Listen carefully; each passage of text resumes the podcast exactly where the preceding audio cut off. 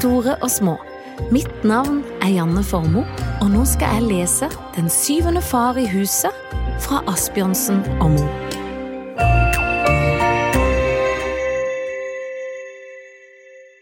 Det var en gang en mann som var ute og reiste.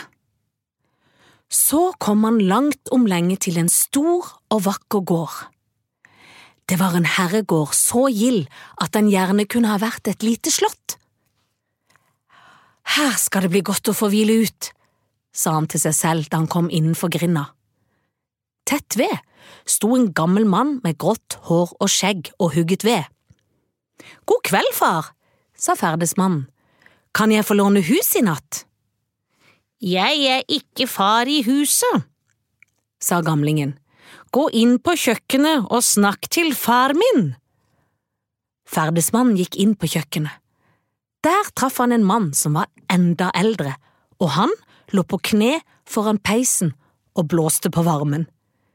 God kveld, far, får jeg låne hus i natt? sa ferdesmannen. Jeg er ikke far i huset, sa den gamle.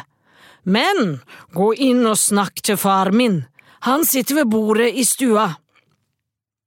Så gikk ferdesmannen inn i stua og snakket til den som satt ved bordet.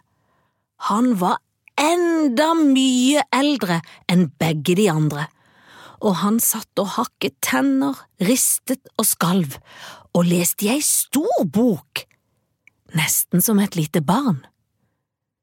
God kveld, far, vil De låne meg hus i natt? sa mannen. Jeg er ikke far i huset, men snakk til far min, han som sitter på benken, sa mannen som satt ved bordet og hakket tenner og ristet og skalv. Så gikk ferdesmannen til han som satt på benken, og han holdt på å skulle få seg ei pipe tobakk, men han var så sammenkrøpen og ristet så på hendene at han nesten ikke kunne holde på pipa. God kveld, far, sa ferdesmannen igjen. Kan jeg få låne hus i natt? Jeg er ikke far i huset, svarte den gamle, sammenkrøpne kallen. Men snakk til far min, som ligger i senga. Ferdesmannen gikk til senga, og der lå en gammel, gammel kall som det ikke var noe annet enn levende å se på enn et par store øyne.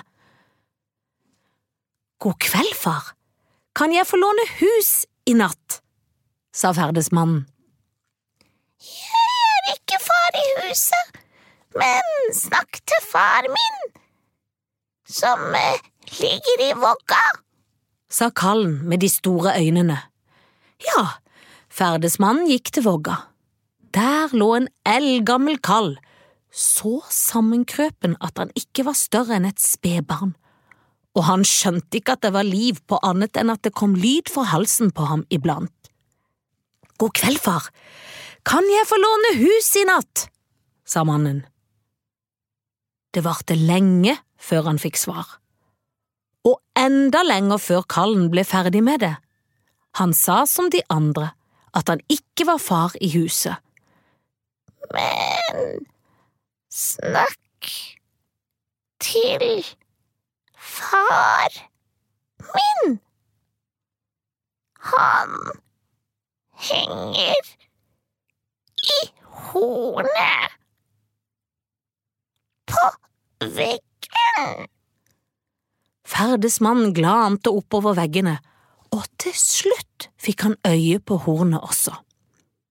Men da han så på han som hang i det, så han ikke ut som noe annet enn en klump aske som bare lignet et menneskeansikt.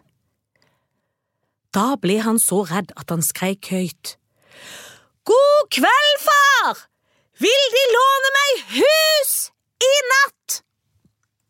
Det pep oppi hornet som ei lita kjøttmeis, og det var ikke mer enn så han akkurat kunne skjønne at det skulle være det samme som Ja, barnet mitt.